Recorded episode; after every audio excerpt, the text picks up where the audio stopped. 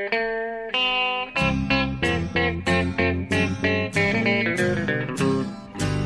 out there, we're on the air. It's hockey night tonight. Tension grows, the whistle blows, and the puck goes down the ice. The goalie jumps and the players bump and the fans all go insane. Someone roars, Bobby scores at the good old hockey game. Oh, the good old hockey game is the best game you can name.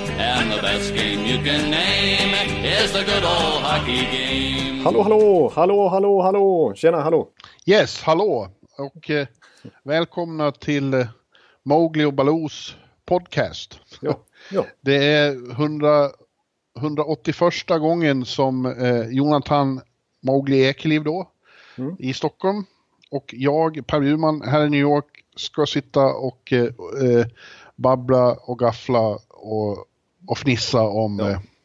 eh, NHL som vi ägnar oss åt i den här podcasten. Och, eh, allt är bra hemma i huvudstaden? ja, men det är faktiskt det. Det är, det är lite naggande förkylning på gång men det, det, det försöker jag bota så jag känner mig rätt så redo för podden måste jag säga ändå. Ja. Eh, Så att, eh, och så fick jag ju sitta upp i natt och, och sitta och tokjubla i Örby när Janny Gord, Gordy Howe som vi kallar han i den här podden, avgör för Tampa Bay mot Nashville i förlängning klockan 04.52. och sånt där. Gårde som vi säger, Ja, det som sant. vissa i den här bloggen säger också. Ja, det Mina sant. favoriter Gårde och Berne. Ja, precis. Eh, som, eh, ja, det, blev- ja, ja, ja, det blev men- så när vi, var, när vi var i Tampa förra, förra året. Ja, Ja. Eh, jo, det var ju faktiskt en, en eh, fantastisk match faktiskt mellan eh, eh, Nashville och Tampa i Bridgestone Arena och det är ju för många faktiskt en drömfinal av, på, på, på flera sätt. Dels så drömmer eh, många som ska följa finalen på plats om eh, de två städerna som ju hör till de absolut roligaste i, i ligan, Tampa och Nashville. Ja, jag, jag låter nästan dig prata lite här för det, blir, det låter så trevligt när du säger sånt. Ja, och det är lagom avstånd eh, och eh, dessutom då som vi såg igår, trots att de saknar eh, Båda lagen saknar varsin fantastisk svensk då. Victor Hedman är inte med för Tampa, Phil Forsberg inte för Nashville. Det var ändå en, en, en grym match med två lag som, som verkligen vill spela hockey och som går till attack hela tiden. Ja, efter den första perioden så sa till och med Nashville-kommentatorerna att det här är en sån här, gör vad ni kan, alltså spela in den här första perioden på DVD, liksom på VHS eller vad ni än har liksom.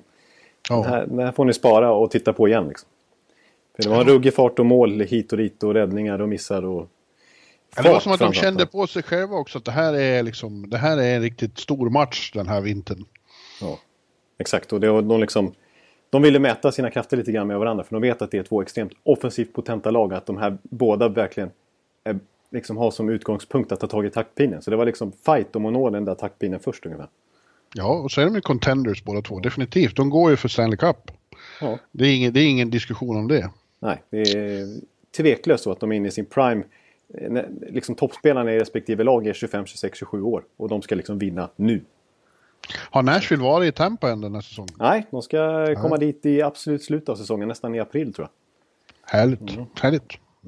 En preview, en sen preview av finalen då kanske. Då kanske du får Nej, anledning menar- att åka till Tampa igen. Ja, där har ju varit så lite på slutet. Ja, exakt. ska Men tänk att spetsa den där, eh, en sån showdown just med Vigge och, och Flipper också. Då, vilket eh, Ja. jävlar anamma. Och Jag tror att om en månad så kommer vi prata betydligt mer intensivt inför trade deadline i den här podden. Och det, är, det här är två lag som kommer att vara involverade i sånt snack också och kommer försöka spetsa till sig lite ytterligare faktiskt. Jag. Jag vet, inte om, jag vet inte om Nashville till exempel, vad, ska de, vad behöver de mer? De har ju redan gjort en jättefin trade där när de fick Ja. till eh, Kyle Tur- Tur- Turris. Exakt, och David Poyle kanske är lite, eh, lite rädd för att, att göra sådana här småbredd trades efter sitt Cody Franson-fiasko här för några år sedan.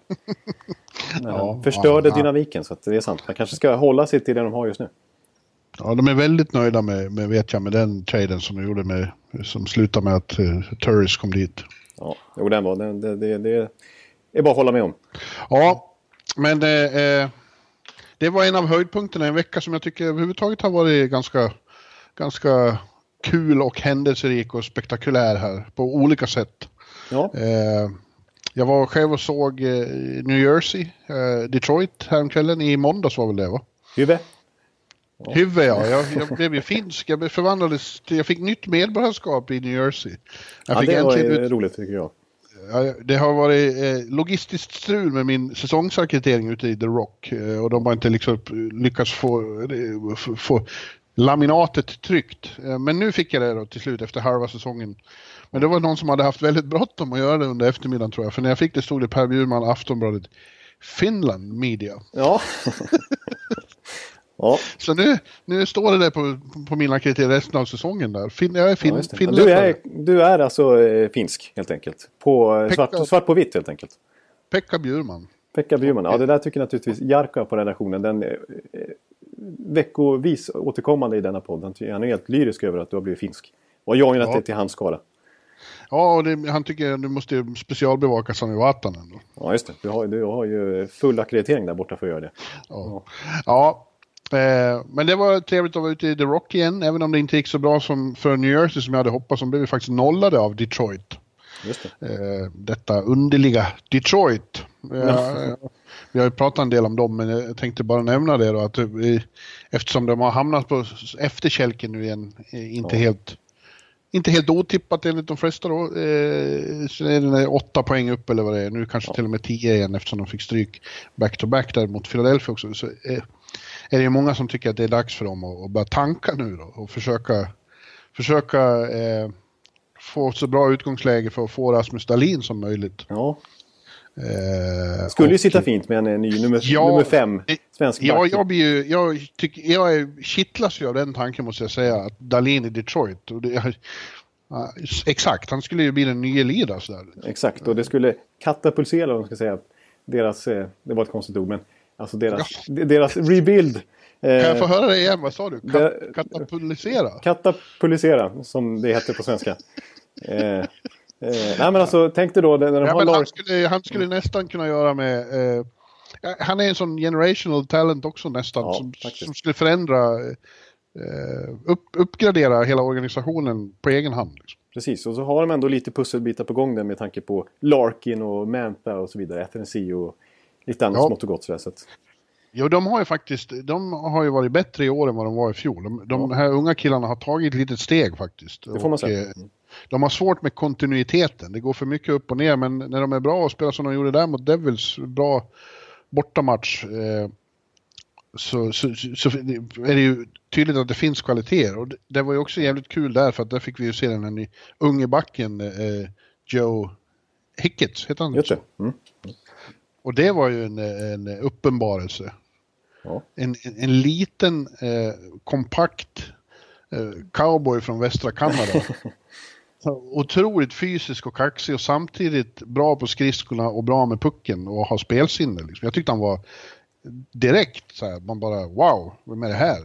Ja. Och det, det höll svenskarna med om när jag pratade med dem efteråt där. Kronwall, Nyqvist och Zetterberg. De var jävligt imponerade av honom.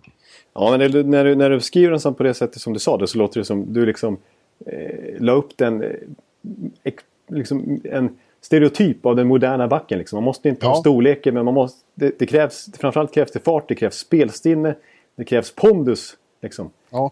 Eh. Men han är mer fysisk än vad moderna Ja, och det krävs, att ja exakt. Mm. En litet dynamitpaket. Men vad jag skulle komma till då var att jag tog upp det där då med, eh, med Z framförallt när jag pratade med honom om, om, om eh, tanken på eh, att det finns supportrar, till och med journalister som tycker att de, ja, inte dags att börja tänka på framtiden då. Men det, det fanns ju inte på eh, kartan. Han sa att han sa ju rent ut att om någon skulle beordra mig att tanka då skulle jag lägga av. Så. Och, Oj. eh, för organisationen går det ju kanske att fundera i de banorna, men för de spelare som liksom ingår i lagen nu, de, de tänker ju inte så. Liksom. Att vi ska tänka på om hur, hur det är för Detroit om fem år. De, Ja, det- spelar, de spelar för att vinna nu, de spelar för sina jobb, de spelar för ära, för allting. Det, är liksom, det, det går inte att tänka så. Nej, Nej Zetterberg som ska fylla 38 här nu också. Liksom. Ja. Han kan inte tänka på hur Detroit alltså, ska se Nej, ut när han är inte- 42 bast. Liksom. Det, Jag tror inte Dylan Larkin tänker så heller. Liksom. Nej, de vill nej. vinna alla matcher de spelar. Det är ett, en klubb skulle kunna påverka det genom att och, och, och inte spela sina bästa spelare. nej, det är det, det som kan hända som man ser i vissa lag att man liksom helt enkelt tradar bort folk. Ja. Alltså, Det är ju det som, det är ju tankmodellen helt enkelt. Men också att jag kommer ihåg, om jag drar en parallellt till mitt eh, klassiska Tampa här så har de ju mystiskt eh, satt upp eh, Le Cavalier och Saint Louis och så vidare på skadelistan för att kunna vinna kampen om Stamkos för tio år sedan. Ja. Det var inte så snyggt gjort men det gjorde de för att komma sist och det lyckades de med. Eh, för att Saint Louis och så här, de, vill, de ville ju spela när de väl, om de väl fick chansen men de, de var helt plötsligt skadade. Liksom. Ja. ja, men eh, ja, för organisationen får man väl säga att det var värt det. Stam, det, det får man säga. Bra. Ja, Steven med kniven, det var ju han som eh, igår där i Nashville, de låg under med 3-2. Det var bara ja. två minuter drygt kvar. Då fick han på ett av sina fantastiska direktskott där. Bara, exakt. Pang Utifrån vänsterkanten. Ja, Ovechkin light. Eller? Ja, det, han, han, det är nästan snyggare när, när Stamkos gör det, för han går så ofta ner på ena knät. Liksom. Ja, just det. Den där estetiska knät. Ja, är så snyggt. Ja, det är faktiskt jävligt snyggt. Ja, i alla fall det, det om Detroit. Det, eh, räkna inte med att de kommer att tanka. Jag, de, är, de inser själva vilken situation de befinner sig i, att det blir svårt eh, att komma kapp. Men, eh, ja. Men, men, du, apropå eh, tank så eh, känns det nästan som att det var det som sysslades med i, eh, i Edmonton. ja, jag hade tänkt komma till den övergången, ja, men ja. nu stal du den om Ja, nu stal den. Yes, äntligen lyckades med en övergång här. Ja, ja men du får jo, ta precis. över. Ja. ja, men precis. De, eh, Edmonton skämde ut sig får man väl säga genom att få stryk med 5-0 hemma mot Buffalo igår tisdag. Ja. Eh, och det, ja visst, då säger alla att nu har de börjat tanka också för att få Dalin då, men det tror inte jag. Vet du vad jag tror? Jag, tror jag, jag har mer känslan av att eh, eh McClellan håller på att förlora laget. Att de inte ja. lyssnar på dem längre, att de struntar i honom. Ja, det känns ju lite åt det hållet ändå, för det, det är en så pass osannolik eh, utveckling på den matchen. Alltså, det är 0-5 hemma mot Buffalo som inte har någonting att spela för. Som också är ett lag i spillror. Eh, ja. Och när dessutom Edmonton har ganska... Menar, visst, sannolikheten att de ska gå till slutspel även inför den här matchen var minimal. Men de hade ändå en, i teorin, liksom, möjlig chans att kunna äta ikapp det där avståndet till Pacific eller upp till en wildcard-plats. För de hade dessutom vunnit tre raka matcher innan dess. Men när man mm. då kommer till hemmaplan igen och möter Buffalo Sabres på hemmaplan och måste ta två poäng för att kunna ytterligare kunna haka på lite grann och, torska, och göra en sån insats, då känns det nästan som att det är en, ett statement från, lag, från spelarna nästan. Så ja, nästan. Å andra, å andra sidan sköt de 31 skott mot Lener och han tog samtliga, så det var inte så att de inte försökte ändå. Nej, Nej men ändå. 0-5, det är svårt, svårt att förklara mot det laget ja. på hemmaplan. Ja, det är så väldigt konstigt och tråkigt liksom, med, med tanke på vad de har. Conor McDavid har ju någon slags sophomore slump här, för vad han. Ja, ja. men jag, jag, jag, vill inte lägga någon skuld på honom ändå. Han ligger ändå på drygt en poäng per match och han levererar i alla former av statistiska kategorier man kan räkna, även de underliggande och försöker bära det här laget. Jag tycker, jag tycker det, jag kan bara peka på en person. Visst, det, det Alltså, och McLennan till viss del också, men det, för mig är det ju, vi har varit inne på Edmonton tidigare, för mig är det ju Peter Chiarellis bygge som är för, för dåligt. Det, det är kretsar kring en spelare, två också om man lägger till Dreisaitl.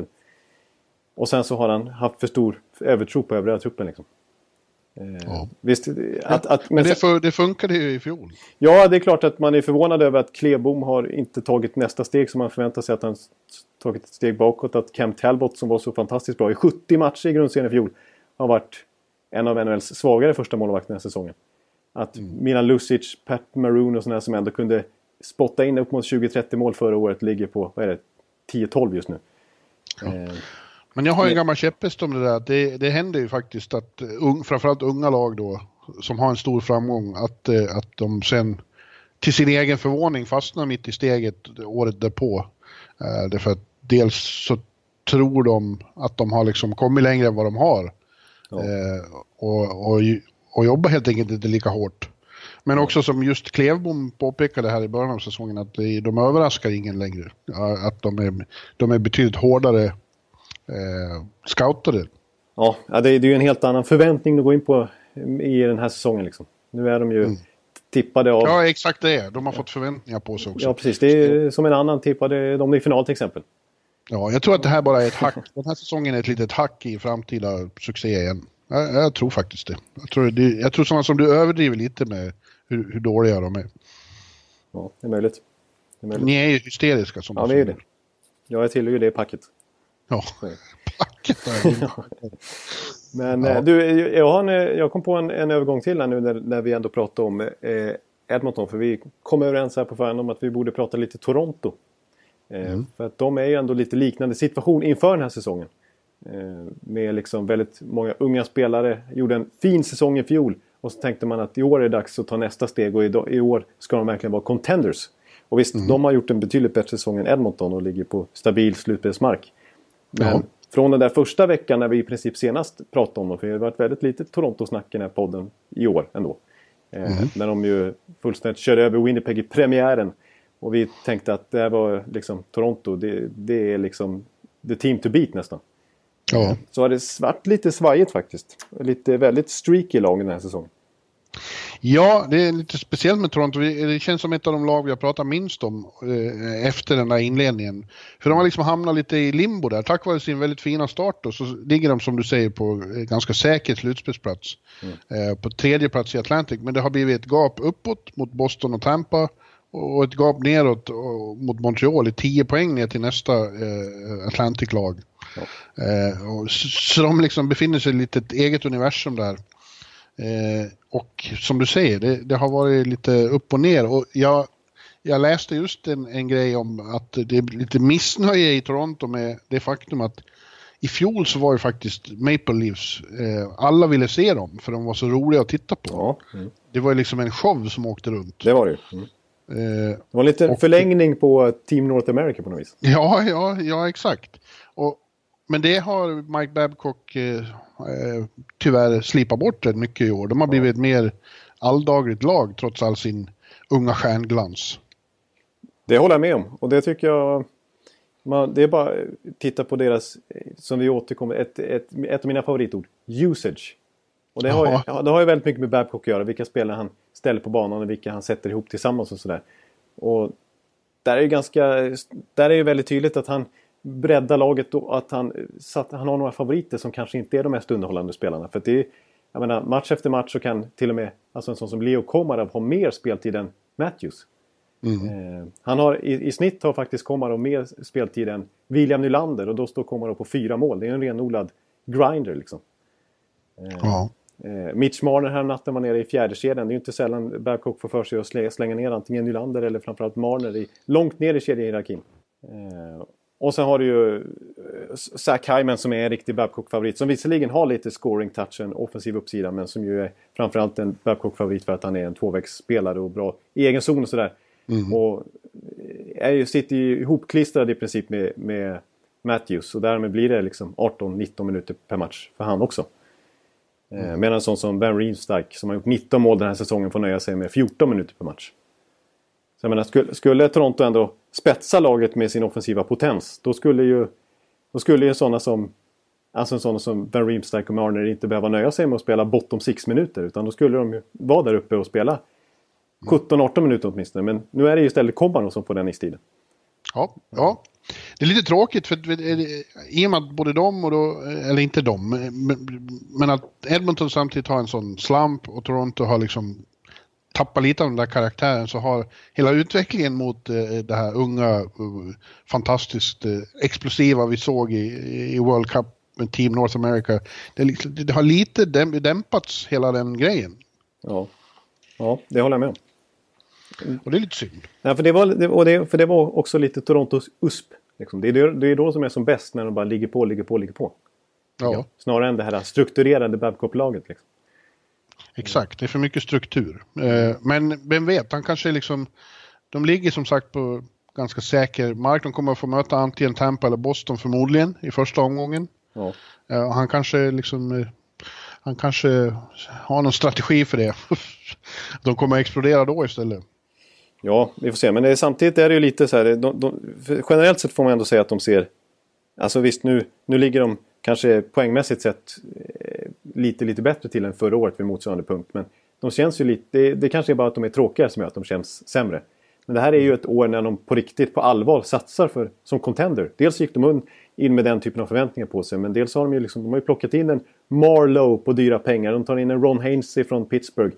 Jag menar, förut har de ju bara rebuildat och plockat upp underifrån. Nu har de ju ändå tagit in veteraner här för att liksom fylla ut luckor och verkligen bygga en, en contender komplett lag liksom. Mm. Och riktigt så bra som de, man trodde att det skulle se ut, det har det ju faktiskt inte gjort. Och det är ett lite annan typ av Toronto. Tyvärr. Ja. Och apropå just bara i förbigående där. Eh, Tampa har ju känt sig tämligen säkra på att eh, de kommer att vinna Atlantic. Eh, ja. Men eh, Boston kryper närmare och närmare. Ja, eh, oj oj. Mm. Det är bara fem poäng emellan nu och då har Boston två matcher färre spelare. Och de är ju, de är ju jävligt svåra att tas med Boston. 7 poäng i 17 matcher i rad nu. Ja, jag skulle säga det. De känns nästan oslagbara. Alltså, ja. i, på 60 minuter i alla fall. Eh, ja. Som det är just nu. De bara kör och kör och kör. Och, och vi ska ju faktiskt prata lite kedjor senare i, i den här podden. Ja, och jag måste bara redan nu hinta lite om att den första kedjan ja. de har där, alltså, den är ju otroligt dominant. Alltså. Ja. Eh. Men så finns det också ett lag som vi inte sa i, i, i körschemat att vi skulle nämna, men mm. jag nämner dem nu i alla fall. Och det är Dallas, eh, som ja. börjar verkligen leva upp till sin potential nu. Ja. Eller hur? Absolut, nu, och nu gör de ju mål här bara här om natten när de fullständigt kör över Florida till exempel. Ja, de, i, i, i helgen vann de med 7-1 i Buffalo och igår vann de med 6-1 mot Florida. Så Exakt. det är ju eh, 13-2 på två matcher, det är rätt bra utdelning och eh, de ser, de ser jag, jag, pratade faktiskt med Mattias Janmark efter matchen igår. För jag tänkte, ja. jag pratade så jävla ja, Du har ju snackat vecka ut och vecka in med Klingberg här nu. Av, ja. av flera anledningar. Framförallt för att han själv är ju fullständigt överlägsen i backarnas poängliga. Ja. Ja, men Janmark eh, är ju också väldigt bra. Han har gjort 13 eller 14 mål vad det är nu och eh, är ju en väldigt viktig pjäs. Det har ju visat sig faktiskt. Han är ju topp 6-spelare och mm. Ja, Klingberg har ju påpekat det flera gånger att det har märkts hur mycket han saknades i fjol med sin liksom kompletta spel. Han, han är så nyttig på alla sätt och vis. Ja, jag tyckte han sa det redan inför säsongen att liksom att det, kolla bara en sån, vi får till, alltså dels det är kul med Radulov och så här, men vi får tillbaka en sån som Janmark också. Det är som ett nyförvärv. Ja. Ja. ja, men så sa Janmark också då att det, det, har satt sig nu att de, i början av säsongen fick de slita så fruktansvärt för att få allting att fungera med Hitchcocks nya idéer och nya system. Eh, så även när de vann kändes det som att de hade jobbat för hårt för det. Medan nu, nu har det satt sig och det flyter på och det får komma till dem istället som man uttryckte det. Ja, exakt. Eh, så de har ett annat flow. Samtidigt hyllade han ju sin landsman Klingberg där han sa han är, om inte den allra bästa, så en av de absolut bästa i ligan just nu, all over. Ja, ja alltså han, fick, han, han fick själv en fantastisk passning av Klingberg igår, av Burger King. Burger King. Ja, just det.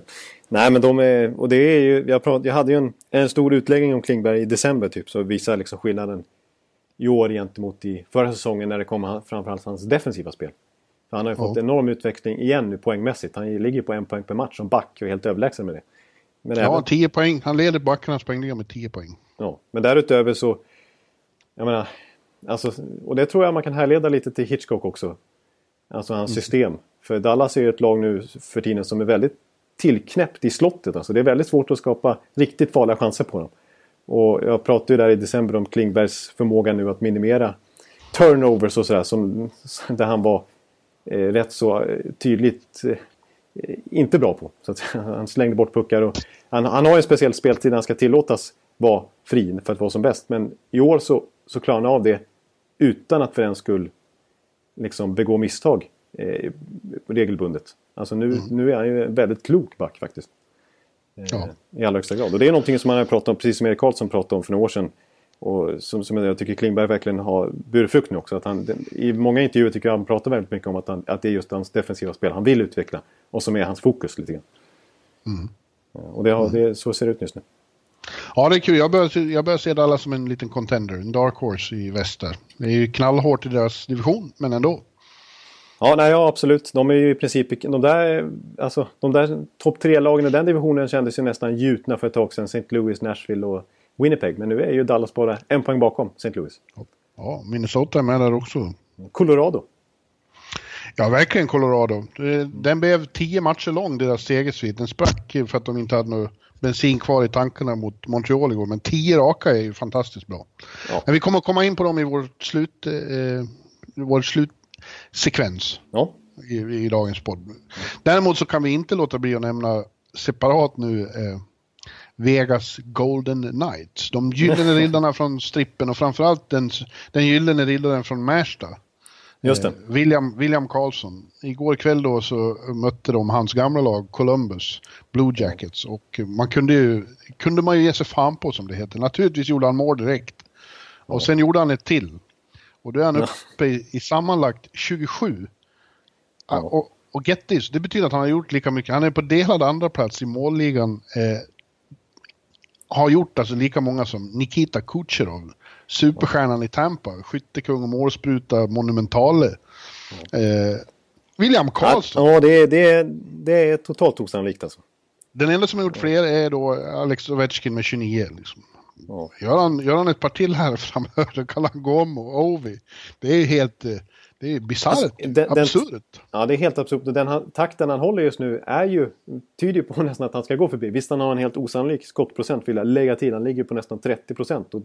NHL-snittet kanske ligger runt 12-13. Så att, men eh, har man ett bra skott då gör man naturligtvis fler mål. Jag vill lägga till det till exempel. William Karlsson är den som gjort klart flest mål i NHL på direktskott. Bara en Ja. sån sak. Men han gör också väl, igår var det ett helt olika slags mål. Första målet var ju så här Thomas Holmström-grej, han var brottades eh, i målgården och vräkte in en retur. Ja. Mål nummer två, friläge, fantastisk passning från Shea Theodore. Och eh, han kommer fri och vinklar in den. Ja, absolut. Nej, han gör ju mål på olika sätt och det är kontringar och det är, alltså det är frilägen som du säger. Det är alla, och det är till och med framför mål och brunka in den liksom. Ja.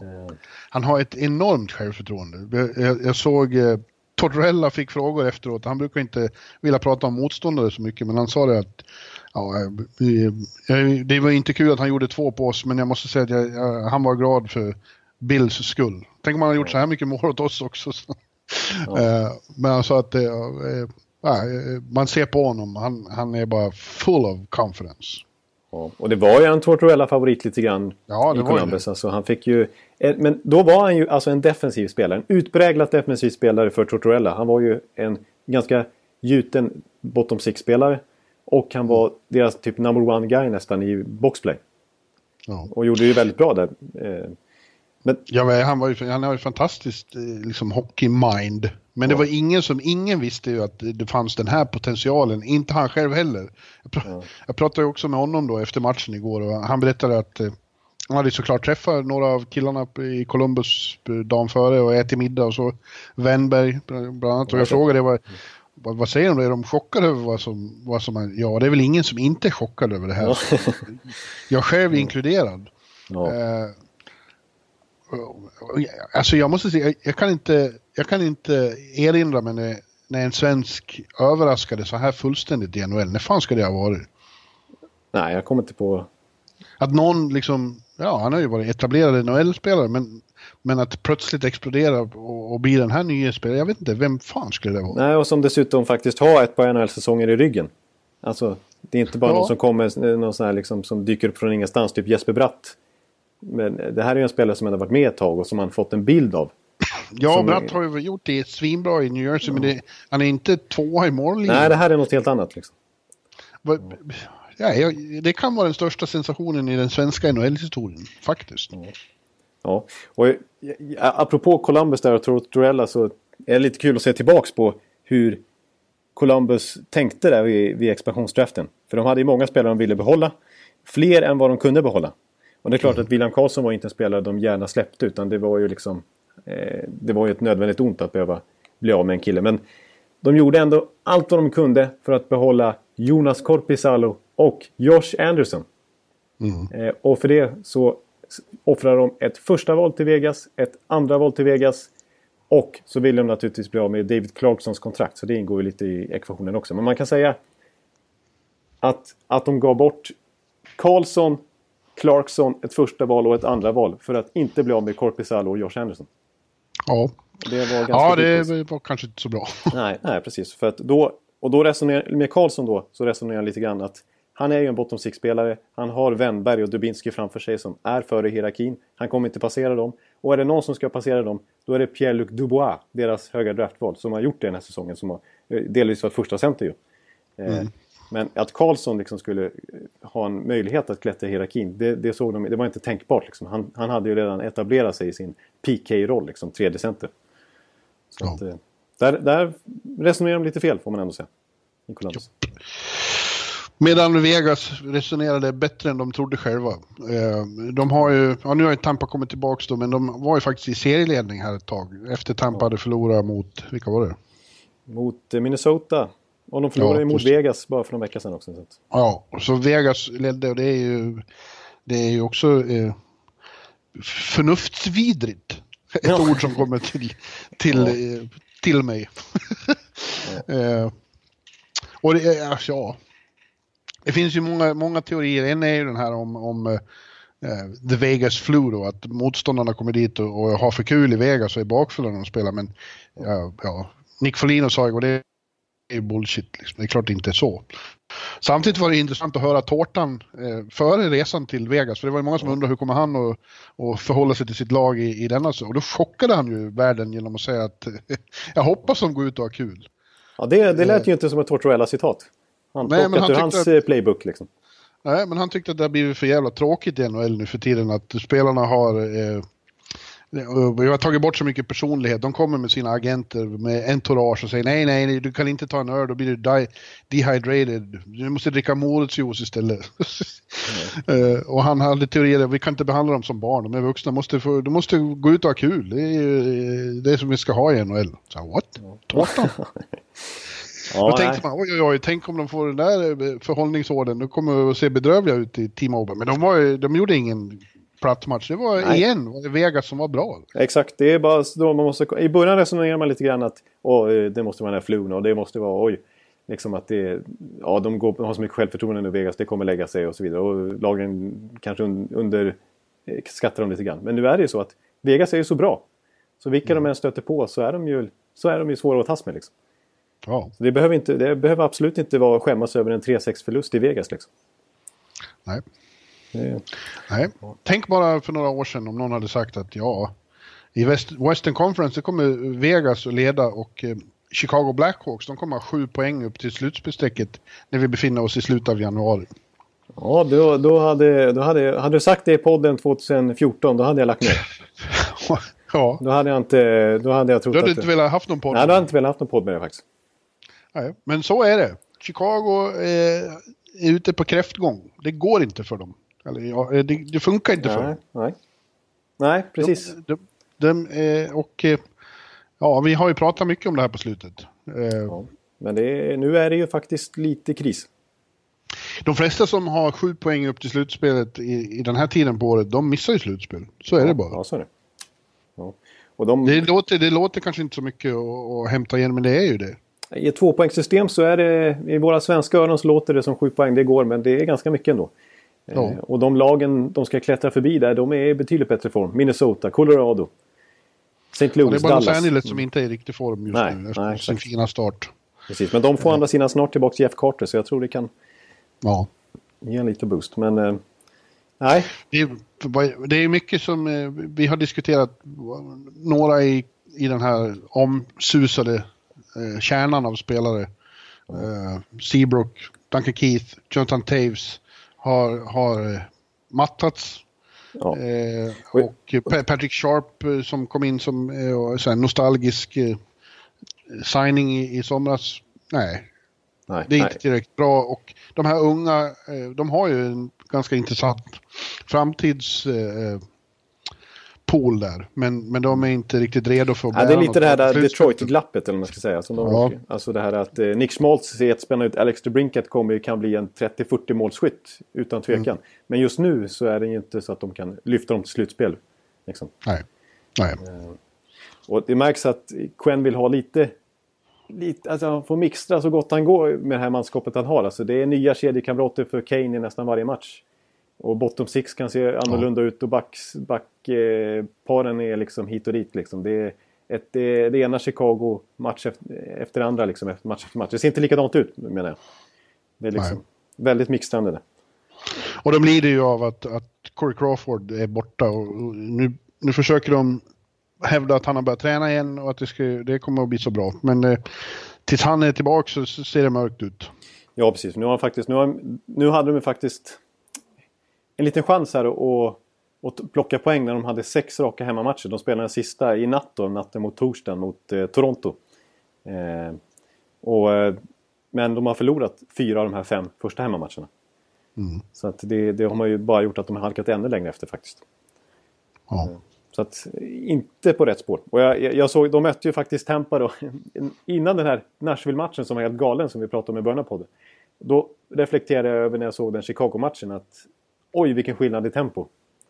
Alltså, Ja. det, de är inte det här, den här dynastin längre. Det är ju, inget, det är ju verkligen Nej, inget, det är ju Det verkligen är inget- grejen. De ser lite långsamma Precis, ut, de hur? ser inte ut som det här moderna hockeylaget längre. Alltså, Nej. det är inte riktigt den. Visst, de har några snabba spelare. Jag menar, en Brennan Saad kan ju flyga fram på isen. Patrick Kane är ju fantastiskt underhållande. Nick Schmaltz tycker jag är en jättebra spelare också faktiskt, redan nu. Men, eh, men nej, det här moderna hockeylaget som trycker som, som förspelet, det är de inte. De, de blir ju oftast eh, dominerade mot eh, själva istället. De, de blir ofta lite på hälarna liksom i matcherna tycker jag. Ja. För att de har inte kvaliteten. Och uppseendeväckande nog är det ju nu då så att det bör gå rykten om att Quenville ligger risigt till och kan få sparken. Om det inte vänder snart. Den är legendariske coach. Det vore ju, det vore ju förbluffande ändå. Ja. Eller hur? Ja, absolut. Det vore, det vore jättekonstigt. För det, ska man försöka, vem ska de ersätta med? Liksom? Är- Vem ska de ersätta med? Och tänk vad många andra lag som skulle sparka sin coach direkt och, och, och, slänga in eh, och göra som Montreal i fjol när, när Ja. Claude Julien var ledig. Ja. Eh, Rangers skulle ju till exempel kunna slå till direkt. ja, ja, då och- rycker ju Vigneault så det sjunger om det. Liksom. Ja, och, och coach Q kommer, jag tror inte han skulle ha någon emot att bo i New York ett tag. Nej. Nej, nej, nej. Eh, Men, men jag har en känsla av att det kanske inte är helt orimligt ändå, alltså det här snacket. Och att han själv kanske känner lite så. Visst, han har ju kontrakt till 2020. Han har ju en fantastisk lön. Han tjänar ju 6 miljoner dollar per säsong. Det är ju bara Babcock som har mer. mm. Eh, Men eh, så på det viset eh, låter det ologiskt att sparka honom. Men samtidigt så det, det, det börjar det kanske är en liten spricka som börjar nystas fram där mell- mellan han och Stan Bowman med tanke på att Ja, men det såg vi redan i somras i så Ja. fall. Precis när han stormade ut i mötesrummet när, när Hjalmarsson-traden blev eh, Ja. klar. Eh, Ja. Han var ju vansinnig på att de gjorde sig av med hans högra hand. Det var ju nästan som en kroppsdel de klippte av när, när Mike Kitchen inte längre fick stå i båset när han skulle bort. Ja. Eh, och eh, jag menar, det har vi pratat om också, alltså en, den stora pisen de fick tillbaks i, i Hjalmarsson-traden, det var ju Connor Murphy. Och han har ju varit helt till scratch så sent som i helgen liksom. Eh, det är ingen spelare som Murphy verkar uppskatta. Verkar uppskatta. Så att... Nej, så att jag, det... Då tog jag upp Erik Gustafsson istället och han gjorde ju mål direkt. Första i NHL-karriären. Ja. Kul för honom. Spelar med Seabrook. Du, nu ska jag springa och hämta kaffe. Ta Med kaffe. Ta Då blir det, mon- eh, då blir det sån här eh, monolog. Ja, prata lite mer om Quenville. Ja. Ja, men eh, när, när Bjurre kommer tillbaks då ska jag försöka vara lite djävulens advokat och eh, återigen eh, försöka argumentera lite för varför, eh, varför man skulle sparka eh, Quenneville. Jag kanske inte håller med om allting men jag ska ändå försöka eh, få det så att det blir lite diskussioner. Alltså så att, för det finns ju faktiskt några argument som kanske skulle vara legitima faktiskt. Ja, tillbaks. Tillbaks! Med en färsk dosa ettan också från kylskåpet. Jaha, det hade du. Snyggt. Då är du superladdad nu. Ja, ja visst. Nej, men jag, Eh, jag, jag sa till, ja. till, till lyssnarna här medan jag var borta att eh, eh, jag ska försöka vara lite djävulens advokat och försöka försvara varför man skulle kunna sparka Quenneville. Ja. Bara för att... Eh, Ja, kanske bara att det behövs en ny röst. Att han kanske behöver en nytändning. Han har vunnit tre Stanley Cup där. ja, precis. Ja, men lite så är det ju ändå. Och vi såg ju på Claude Julien som ju var extremt efter det som vi sa just. Alltså Claude Julien var en sån där coach som man skulle kunna sparka sin coach för att ta in. Så pass aktad är ju han i NHL. Hur går det för Boston just nu? Det går väl bra? Ja, ja, Han- ja, verkligen. han- Och liksom de veteranerna som, som han har liksom haft under tioårsperiod nästan i Boston. Nu pratar om Julien med, alltså med Bergeron och Chara. De har ju fått en riktig nytändning den här säsongen under Cassidy. Så Mm. det, på det viset, jag menar, det är lite liknande upplägg, lite struktur på laget och ålderskategori på vissa spelare i, i Chicago liksom. En Taves, en Seabrook, en Keith. Ja. Så ja, ja, det får gärna hända för mig alltså. Eh, För att eh, så stora saker, det liva upp. Ja. Men Man ska sen, ju liva upp med Quenville på, på något annat ställe. ja, men sen vill jag säga en, en till sak om, om Quenneville. Ja, det är klart du vill. Det vill jag. Ja. Jag vill säga många Jag saker. vill säga mycket så. Och det är att han är... Att hans, nu, nu kommer till sånt där riktigt eh, Jonathan-ord här. Och det är ju USP. Hans, hans USP är ju... Du, du sa det tidigare idag, vad är USP? Vad fan är det för någonting? Ja, men unique selling point, alltså det som är hans grej. Ja. Obegripligt eh, uttryck. Men, SUSP, eh, SUSP, ja, men jag hans- tycker ja, SUSP har med ja. med hockey att ja, göra. det är sant. Jag, jag, jag, jag använder det ordet och så får ni tolka det som USP. Ja. Hans, hans Säg igen, vad sa du? Hans... USP. Ja men vad var det? Hans SUSP. Ja, Eh. unique selling point. ja, där har du det. du. Lär Ja, dig ja. vet du. Varje dag här av, av, eh, från Örby. Ja. Ja. Otroliga kunskaper. Ja, jag är tveksam. Men i alla fall. Eh, det är ju att han... För mig är inte Quenneville alltså den här Boudreau-coachen, alltså en, en, en grundseriemaskinscoach. Utan det som är Quennevilles grej, säger jag istället för USP. Det är ju att, att han är ju... Det är ju i slutspelet. Alltså matchup-coach. Att, att vinna matchen i matchen mot det lag han möter. Alltså ja, som, han har. Ja, precis. Ja, som, precis. Nej, det var, ju, det var ju då det sket sig totalt. Och det skulle ju kunna vara ett argument för att... Eh, ja, Att att, att, nej, men att han börjar köra fast lite grann i Chicago i alla fall. Kanske. Ja. Eh, men eh, för annars har han ju liksom tokägt eh, vissa coacher. Alltså inte minst Boudreau naturligtvis. Det är många andra som har gjort också. Men han har ju varit eh, fantastisk i, i matchup. Som mot Cooper i den finalen mot Tampa till exempel. Ja, men då fick han ändra sig liksom. Då hade han en idé när de gick in i den serien. Men Tampa var ju väldigt svår, svåra att spela mot. Så de fick ju kalibrera mot Cooper där. Men då klarar han av det. Det är precis. Eh, och ser man på hans vinstprocent i grundserien gentemot slutspel så är det extremt imponerande att han har nästan lika bra vinstprocent i slutspel som i grundserie. Och det är väldigt få coacher som har. För då möter man inga strykgäng liksom. Då är det bara slutspelslag man möter naturligtvis. Eh, Ändå så har han en väldigt hög utdelning då liksom. Så att... Eh, ja, det kanske inte är hans grej att, att lyfta... Alltså, i det, i det, alltså som grundserie att liksom när de ligger så här på vippen att knappt ta sig till slutspel. Ja, nej. ja, så vem ska, vem ska sparka sin tränare och ta in honom av de lag som är på slutspelsplats då? Ja. Tampa. Sparka Cooper och ta in eh, Quenville? Eh, nej, det skulle inte jag faktiskt. Jag skulle Nej, vet, du, vet du vilket lag som borde ta honom i så fall? Nej, jag, jag tycker. Rangers. Washington. Washington. Det du Sparka. Potts och ta in Quenville. För jag menar, i synnerhet ur det perspektivet, ur slutspelsperspektivet. Ja, Det har ju varit ett litet problem i, i, i DC. Ja. ja, faktiskt när du säger det så är, så är det ett väldigt eh, legitimt argument faktiskt. För det är just Ja. det de har saknat. Ja, Att vinna det matchen är i verkligen matchen. vad de har saknat. Ja, då, då argumenterar jag för det och slår fast det i podden här. Quenville till Quenville. Washington. Quenneville till Washington. Den här säsongen. Ja, precis.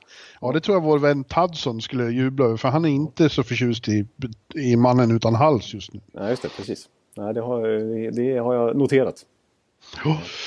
Du, eh, nu ska vi snabba på lite här. Jag har jobb att göra idag. Och du ska inte säga vad det är, du som är så oförsiktig med sånt. Du får inte berätta. Nej, det är hemligt. Nej, det är så jävla hemligt. är det. Man ska inte prata om uppdrag innan de är utförda. Nej, just det. Du ser. Ja, jag, jag, är sån där, jag är hysterisk så att jag kan inte hålla sånt. Nej, men däremot så är det ju ingen hemlighet att, eh, att jag till helgen befinner mig i, eh, i Tampa då, i den heliga staden som du kallar den. För eh, All-Star-jippot. Exakt. Eh, och det är väl, det finns inte så mycket att säga om det egentligen på förhand annat än att eh, ja, det blir ju, det blir ju kul för oss, eh, eh, vad heter det, medlemmar i, Ja, det är ju firmafesten. ja det är firmafest och ja, det är det för spelarna med. Ja, ja.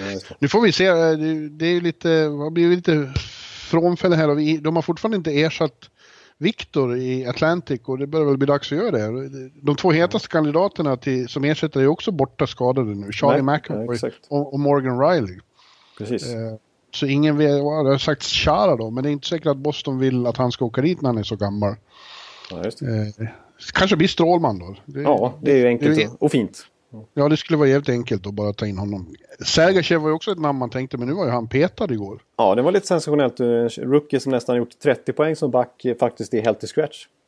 Ja. Eh, för, och det är av prestationsmässiga skäl. De tycker att han har varit för slarvig defensivt helt enkelt. Sen var Taylor Hall är, har ju en handskada också, så det är väl inte säkert att han kommer heller. Nej. Nej, och de har varit eh, sena med att lansera några ersättare här. Vi får se hur... En så kallad Zetterberg-skada har han så här veckan innan All-Star. Så kan det ju finnas en, en teori kring. Ja. Ja, ja, det ska ju vara en Metropolitan och där finns det ändå några stycken att välja på. ja, det finns det.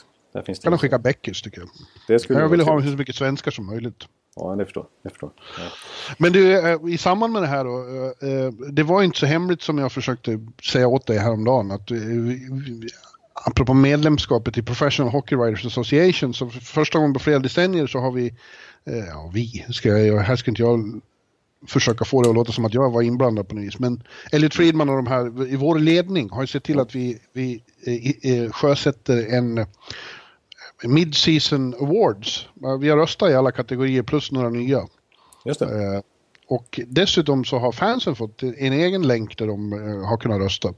Så vi får se, det, det blir lite spännande att se eh, vilka som skulle ha fått Norris och Vessina och så vidare efter halva säsongen. Just det, men det kommer alltså bli offentligt nu i, i samband med Åstad-helgen vad ni har röstat på. Ja, på fredag Ja. kommer det offentliggöras eh, och vi hoppas ju att det blir liv och rörelse om det. Ja, Som Elliot skrev i ett internt mejl så, så våra vänner på Twitter får någonting att, att älska oss ännu mer för. ja. ja, ja. Nej, men, men är, det, är det nu offentligt det här, det här, äh, de här två nya priserna? Kom, vad, vad är grejen med de två egentligen? Är, de, alltså, är det bara på skoj eller är det någonting som, som kanske kommer bli verklighet framöver? Alltså, Nej, det tror jag inte. Det är, det är på skoj. Eh, eh, vi har också då eh, ett pris till def den bästa defensive defenseman och till the comeback player of the year. De är ju inte officiella, de, de kommer inte att ingå i the awards, men det kanske är en signal från oss till eh, NHL om att de borde... Det har ju blivit väldigt, framförallt om backgrejen, där har det blivit sån debatt om Ja. att det nu mest är de som är fantastiskt bra offensiva backar som får Norris. Så det kanske är dags att införa ett sånt eh, Tommy Ja. Albelin-pris. Precis, det blir intressant, intressant att se vilken typ av backar som kommer lyftas upp i det sammanhanget som bästa defensiva backen. Tommy Albelin Trophy. Ja, men jag tyckte Friedman kallade det inofficiellt till Rod Langway Trophy. Ja, ja. Eh, och sen så det där comeback player tycker jag det finns en viss poäng i också för att eh, Bill Masterton är väl det liksom, det är ju den awarden till den mest, eh, officiellt är det till den mest ihärdiga och sportsmannamässiga, eller den som visar mest dedication to hockey. ja det, det blir ju alltid de som har varit skadade eller sjuka och komma tillbaks. Det här underströks det att det är mer den som har liksom fått ett, eh, kanske haft en dålig säsong och kommit tillbaks och exploderat. Typ en Dustin Brown. nästa. Ja. Eller en Ja, Anse. Kopitar. Ja. Ja. ja, Dustin Brown känns ju som ett bra namn där faktiskt. Gjorde i alla fall fram till för två veckor sedan. Fram till för två veckor sedan nu när Kings förlorar konstant sen dess. Låg i, ledde, de var, tampades med Vegas för, bara innan den här förlustsviten och nu ligger de alltså utanför slutspel. Så det, Ja. det går tokfort. Mm. Men vad gäller All-Star i övrigt då så är det ju, ja, det är som det är. Skills competition kan vara lite kul, matchen brukar vara bedrövlig, eller matcherna som det är nu. Men eh, en fråga till en nörd som du, kommer du att titta? Ja, jag kommer nog titta. Det är ju i Tampa trots allt. Ja, det är det ju faktiskt. många- Jag hade nästan många- kunnat tänkt mig åka dit faktiskt. Sitta i Tiki-baren. och sen gå och kika lite Skills competition ändå. Eh, Med mina fellow Tampa-fans. Liksom. Ja. Tiki-baren, där kommer det att att vara högtryck under helgen. ja, det kommer nog vara rekordtryck där nästan. Det är Stanley Cup-tryck nästan. Ja. Men ja, ja men, eh, jag kommer nog titta och de, de försöker ju revampa säsong efter säsong. Eh, Det ska ju vara några nya grejer de ska syssla med där i, i Skills Competition. Eh, Ja. Och det, de ska få 200 000 kronor för att vinna respektive moment. Liksom. Mm. För att, som om NHL-spelarna behövde mer pengar. Ja. Och, eh, ja, men jag tycker ändå att 3 mot 3 tillställningarna har väl blivit lite roligare med det här turneringsformatet och att det faktum att det är 3 mot 3 istället för de här 5 mot 5 eh, sömnhistorierna. Liksom. Ja. Det var ju fruktansvärt faktiskt. Men nu är det ändå lite, lite värt att titta på tycker jag. ja, vi kommer att få se eh, rätt många av dem vi nu ska prata om i, i vårt eh, avslutande specialsegment i, i, i dagens avsnitt. Ja. Eh, där vi tänkte, som jag var faktiskt inne på i en, en blogg här om, för några dagar sedan, eh, ligans tio bästa kedjor just nu.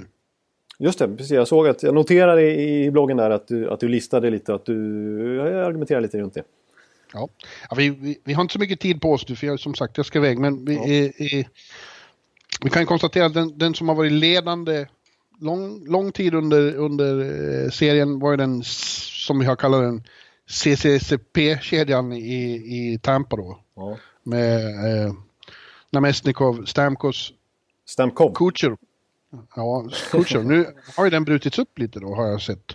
Ja, den är väl, du var faktiskt tillbaka här i natt. Nej, det var den ju inte. Stamkos spelar ju med Kunitz. Ja, precis. De, Ja. Har ju, de har ju rört runt lite där. Men generellt sett så vill jag lägga till då att, eh, som, som du säger, det är värt att påpeka att den har varit lite uppsplittrad nu. Men det är den kedja som har mest istid 5 mot 5 av alla kedjor i hela NHL den här säsongen.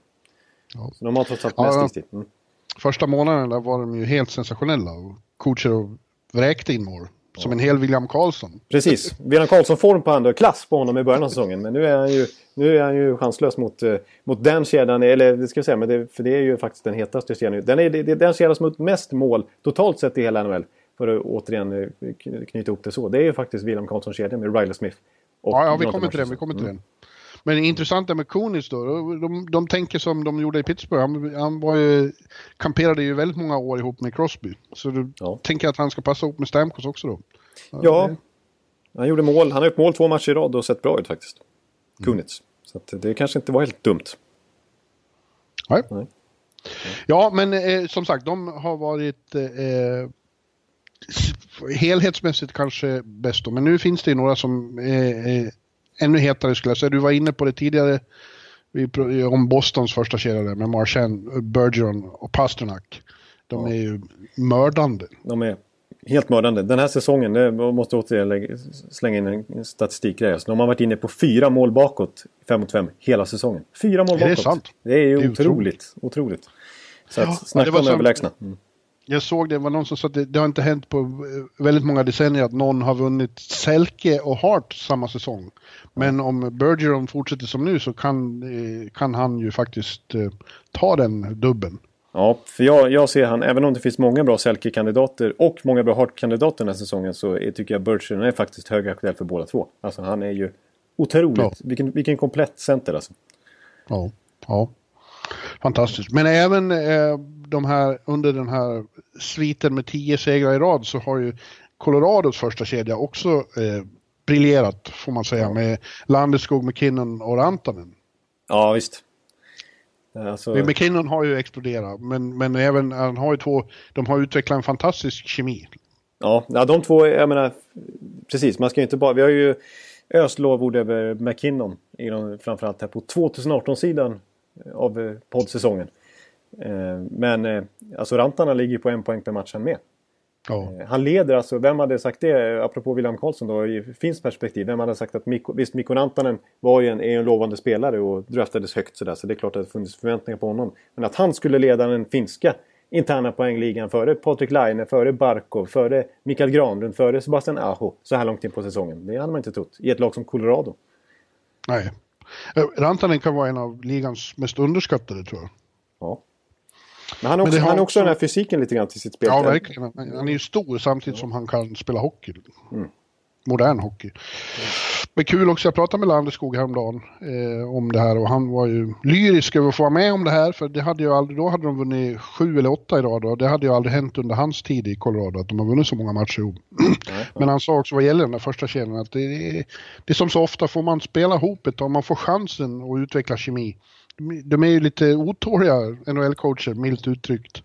Eh, så de, det är väl sällan man får chans att spela ihop sig. Men nu, nu har de fått lång tid på sig, så det gör en enorm skillnad. Liksom, när man hinner, när man hinner liksom spela ihop ett tag. Nej, precis. Ja, exakt. Och Landeskog är inte helt irrelevant i den där kedjan heller. Han, eh, ja, han, är ju grym längs med sarger och så vidare också till exempel. Och han kompletterar ju dem väldigt bra.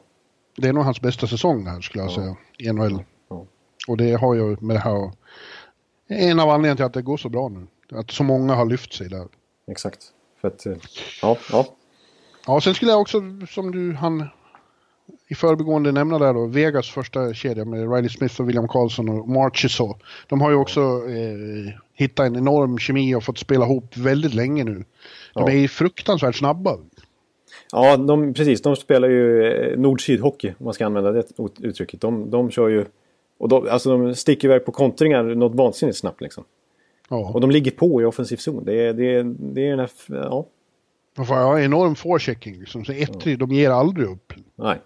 Och sen, sen är de skickliga. Så jag, jag, är, jag måste ju erkänna att jag gillar, jag är väldigt svag för Marchessault. Alltså, alltså hans teknik, hans, hans puckkontroll på väldigt små trängda ytor så kan han briljera och titta upp och lägga bra passningar eller skjuta. Liksom. Jag tycker han är...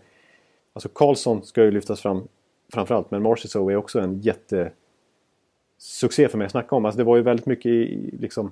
Det var lite, alltså Florida tradade alltså bort han liksom. Ja. Det hade, var väl del, delvis lite politiskt beslut med nya ledningen men samtidigt så var det den här osäkerheten kring kan han verkligen, var det bara en fluk förra året när han från ingenstans efter över 300 AHL-matcher helt plötsligt gör 30 mål i NHL en säsong. Var det bara på skoj liksom? Nej det var det mm. inte. Han är, han är en otroligt bra spelare. Jag fick ju nyligen ett nytt kontrakt på över 5 miljoner dollar per säsong också. Ja. Mm. Mm. En annan eh, kedja som, nu har de brutit upp den lite, eh, men länge var ju eh, Giro, Couturier och Voracek fantastisk första kedja för Flyers. Nu har eh, Travis Connectney ersatt Voracek då. Eh, är ju också jävligt bra. Framförallt har han avgjort två matcher i rad på övertid 20-åringen. Ja, just det. Mm. Men vi kommer tillbaka till det där faktiskt genidraget i att flytta ut Giro på en kant och, och, och befordra Couture, mm. Coots till första center. Din gamla favorit. Ja. ja, det har ju varit en succé. Eh, Giro och Voracek är etta och tvåa i assistligan, går det att påpeka till exempel. Ja, exakt. Ja, ja det, det, det, det, var väl... Det får man åtminstone ge Hackstall att den, den coachdraget var ju åtminstone väldigt bra. Ja, det var det. Eh, och, och jag menar, Giroud. Vi, jag hade, vi gjorde en topp 50-lista inför säsongen och jag var noga med att Giroud skulle inte vara topp 50-spelare i NHL utifrån den säsongen han gjorde i fjol. Han var inte bra. Eh, och såg trött ut tyckte jag. Eh, ja, där har vi verkligen en comeback-kandidat. Han kan vara en sån comeback player of the year. Ja, precis. För att, jag menar, han är ju bara två, en eller två poäng ifrån att tangera sitt poäng, eh, totala poängsumma från i fjol redan nu. Så att, som ytterforward istället. Så att, eh, ja, mycket lyckat. Succé. Mm. Dallas måste också nämnas. Ben Seguin Radulov är ju en succé. Det kunde man ju ja. se på förhand nästan. Och det har de varit. Eh, de spelar inte alltid ihop. De blandar lite där Hitchcock. Men ofta när det är i avgörande lägen så är det de tre tillsammans. Och eh, ja. ja, vi nämnde Klingberg där som succé. Men de är ju också jävla vad bra de är. Precis, och i takt med hela Dallas har ju de kommit igång bara mer och mer ju längre säsongen går. Så att de, ja, inför säsongen tippade jag ju faktiskt att Ben eller Seguin, att någon av de två skulle vinna poängligan. Mm. Och det, riktigt där har de inte varit nog sen. Men nu börjar de ju närma sig eh, de högre placeringarna i alla fall. Och jag tror att de kommer fortsätta bara kötta på. Även Radulov har ju verkligen funnit sig till rätta i Dallas nu. Alltså när, när systemet har satt sig där så, så, så blir det ju... Jag menar nu gör de ju 6-7 mål match efter match som vi var inne på. Mm. Så att det, kommer bara bli ännu mer poäng från de där tre. Har jag oh. känsla ja. uh, Vidare eh, nu när, när han eh, ska, har sin Z-skada då, eh, Taylor Hall så har de fått stuva om ordentligt ute i New Jersey men eh, länge har ju Jesper Bratt, Nico Hischier och eh, Hall då varit en, en, en eh, uppenbarelse för Devils. En riktigt rolig, dynamisk, eh, spännande kedja att följa. Ja, absolut. Och eh, snacka om framtiden är nu. Att, alltså, att, ja. Hade man inför säsongen förväntat sig att, visst, att, att Taylor Hall redan nu skulle kunna, eller att liksom, snarare tvärtom då, att, att Nico Hischi och Jesper Bratt redan nu skulle kunna slängas in i första kedjan med Taylor Hall. Eh, och att det skulle se så bra ut och gå, att det skulle vara en sån dominant kedja, det hade man ju inte trott. Han kommer att ta för sig det och det är ju bara återigen ett bevis på det här vi pratar om år efter år. Att NHL blir bara yngre och yngre och yngre. Snabbhet är viktigt. Ja. Och det har de också i, eh, på, om man tar eh, tåget från eh, Newark, korsar Manhattan och kommer ut i, bot, i Brooklyn så har de dels en fantastisk första kedja med Anders Lee, John Tavares och Josh Bailey. Den fruktansvärt underskattade Anders Lee. Han har ju också lika många mål som William Karlsson. Ja, det är på delad andra plats. Han har vi nämnt i en podd i år typ, eller två ja. kanske. Ja, men det är ingen som pratar om honom. Ja. Det är fantastiskt bra. Men vad som är intressant tycker jag med, med Islanders är att de har kanske ligans bästa andra kedja också. En ja. andra kedja som nästan gör, eh, aspirerar på en plats på den här listan med, eh, med Bar, Matt Barzal, eller ja. Bars, ja, ja. jag och mina uttal. Och Eberle och Anthony... Ja, det är ju Andrew Ladd. Andrew Ladd. Nej, det är inte alls det. Bouvillier. Bouvillier. Ja. Ja, det är Bouvillier nu kanske. Ja, just det. Ja, det är det. Mm. Och det är ju det, det, det, och det är liksom det är något signum för Islanders. De har en fruktansvärt bra offensiv i år, men inte så bra defensiv. De gör en jävla massa mål, men de släpper in för mycket också. Ja, delvis på grund av sig målvakten. Det har jag varit inne på i alla fall. Men, men ja, jag håller med dig. Alltså Barzal är ju en... Är ju alltså, är också en av den här säsongens stora utropstecken. Alltså, ja. ja. Det är ju en, en, redan nu en av NHLs absolut mest underhållande spelare. Alltså, och, och, att han har gjort, alltså, som du säger när vi pratar kedjor nu, liksom, att han har gjort en poäng per match är ju dels imponerande med det faktum att han är rookie. Men också att han är andra center. Han har ju Tavares ja. framför sig i hierarkin och ändå producerar så extremt mycket. Alltså han skulle ja. kunna vara första center i mängder av NHL-lag. Redan nu. Ja. Så bra är han ju. Ja. ja, man vet att det är något speciellt när Tavares som häromdag, häromveckan sa i någon intervju att eh, när han ser Barzal på, på träningar så tänker han om man ändå kunde göra sådana där grejer. Ja, ja. För han då, vet man att det, då vet man att det är en begåvning. Precis, för han har ju en otrolig fart, det kan vi säga. Men sen är det just det att han har lika bra, alltså han, hans spelgeni och hans puckkontroll påverkas inte av vilken fart han är i. Han kan ju dribbla och titta upp och, och, och liksom spela briljant även i hög, hög fart. Menar, det är ju mm. nödvändigtvis inte synonymt att man kan ja, att man kan ha samma split vision när man åker runt i 100 km i timmen. Liksom, som han gör ibland, ser det ut som. Ja. Och tänk då att de har eh, sån eh, de kan ju spetsa laget om de får lust med ännu mer sån rolig briljans som de tar upp vår favorit från förra våren. Vad heter han? Husang? Ja, Husang ja. Just det. Men han är nere i Bridgeport nu tror jag. Ja, det är ju lite tråkigt att, eh, att de anser att det blir för mycket av det goda nästan. Ja. Han är också, ja. Ja, sen har vi ett eh, lag då som, jag glömde bort dem faktiskt i, bloggen, ber om ursäkt för det, för att laget går inget bra, men de har ju faktiskt en väldigt fin eh, första kedja i Florida också då. Det, det, den gillar ju du framförallt med Huberdo, Barkov och Dadonov. Ja, ja det, är, det är ju en fantastiskt fin kedja. Jag är ju småkär i Barkov. Ja men det är ju nästan alla. Han, ja. Lite synd just nu känns det att hans talang slösas bort i ett lag som is going nowhere. Nej, precis. Uh, han är ju också en stark Selke-kandidat, tycker jag. Absolut. Eh, han är definitivt, han måste vara nominerad i år. Eh, men... Ja, har du varit inne och röstat på den där fangrejen då? Nej, det har jag faktiskt inte varit än. Jag får ju ansluta mig till fanskaran och, och, göra min röst hörd. Ja. ja, du får göra det. Du måste göra idag, för imorgon är det deadline. Ja, just det. Då får vi mm. uppmana alla lyssnare här också, gå in och rösta. Det, det finns, en länk i, finns en länk i introt från igår, från. Det är bara titta där. Bra. I, I, min blogg alltså. Ja, just, men, just, jag, jag, ja, jag vill nämna en kedja åtminstone. Vi kan nämna Jofa-kedjan men det har varit in lite grann. Nej, vänta nu, jag är inte klar. Ja, du är inte klar? Nej, nej bra. Eh, fast visst, det, det, eh, det, är några kedjor som egentligen, om de var intakta, eh, hade tagits upp på den här listan med och Jofa i Nashville är ju då Foppa Johansson Arvidsson men nu är, är ju Filip inte med. Nej. Och inte varit på tre veckor så det, det är svårt att nämna dem som hetast just nu. Nej, det är sant. Samma sak i, i Winnipeg med Scheifly borta blir lite konstigt. Eh, Nej, och sen vet får vikariera som center liksom. Ja. Sen vet vi att Pittsburgh och Washington kan mobilisera fantastiska kedjor men de har inte varit så så det har liksom glöd, de glöder inte just nu. Nej, nej inte på det viset faktiskt. Eh. Då vill du hellre nämna Calgary.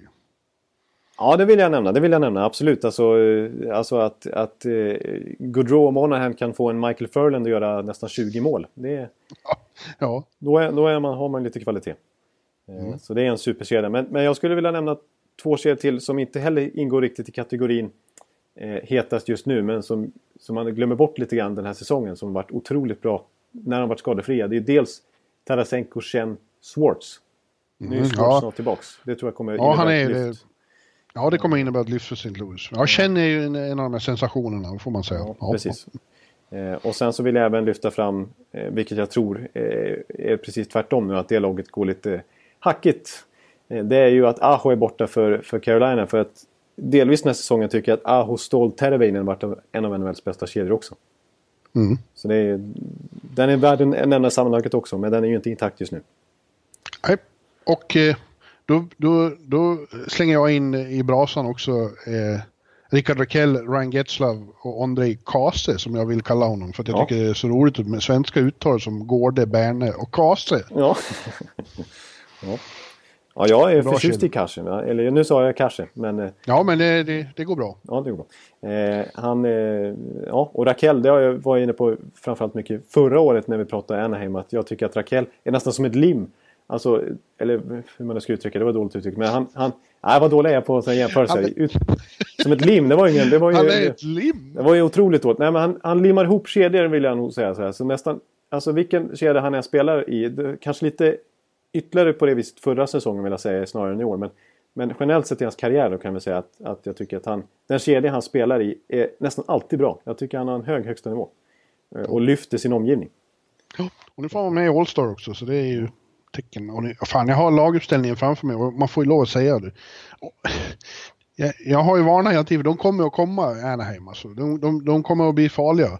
Och det finns ju ingen som har något eh, liknande på centerpositionen, det är djupet alltså. Mm. De har Ryan Getzler som första center, de har Ryan Kessler som andra center, de har Adam Henrik som tredje center och Vermette som fjärde center. Det är ju helt eh, otrolig centeruppställning. Ja, det är helt otroligt. Och då ska man komma ihåg att de har hållit sig flytande under säsongen med Derek Grant som första center, med Chris Wagner som andra center och så vidare. Ja, de har haft så mycket skador. Ja, ja, ja, Henrik har ju tydligen... De älskar honom där, sa de på tv här igår. Eh, Rangers var ju där och åkte på en ny snyting. Ja. Och det pratades det extra om Henrik eftersom han kommer härifrån New York-området, eller Devils. En gammal Rangers-dödare. Ja, Lundqvist dödade Naturligtvis ja. gjorde han mål igår också på, på Henke. Ja. Innan Henke fick packa ihop och lämna sin första dåliga off-match på flera månader. Faktiskt. Ja. Eh, och när, någon sån kommer ju alltid. Eh, men ja, om det här laget eh, får vara helt och... och ja, I'm, I'm telling you. Watch ja, out for the Ducks. Ja. Ja, ja, Patrick ja. Eves blir frisk också.